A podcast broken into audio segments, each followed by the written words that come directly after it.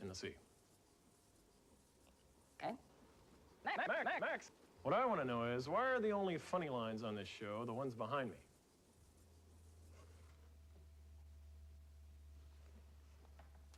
You know, people can be really nasty.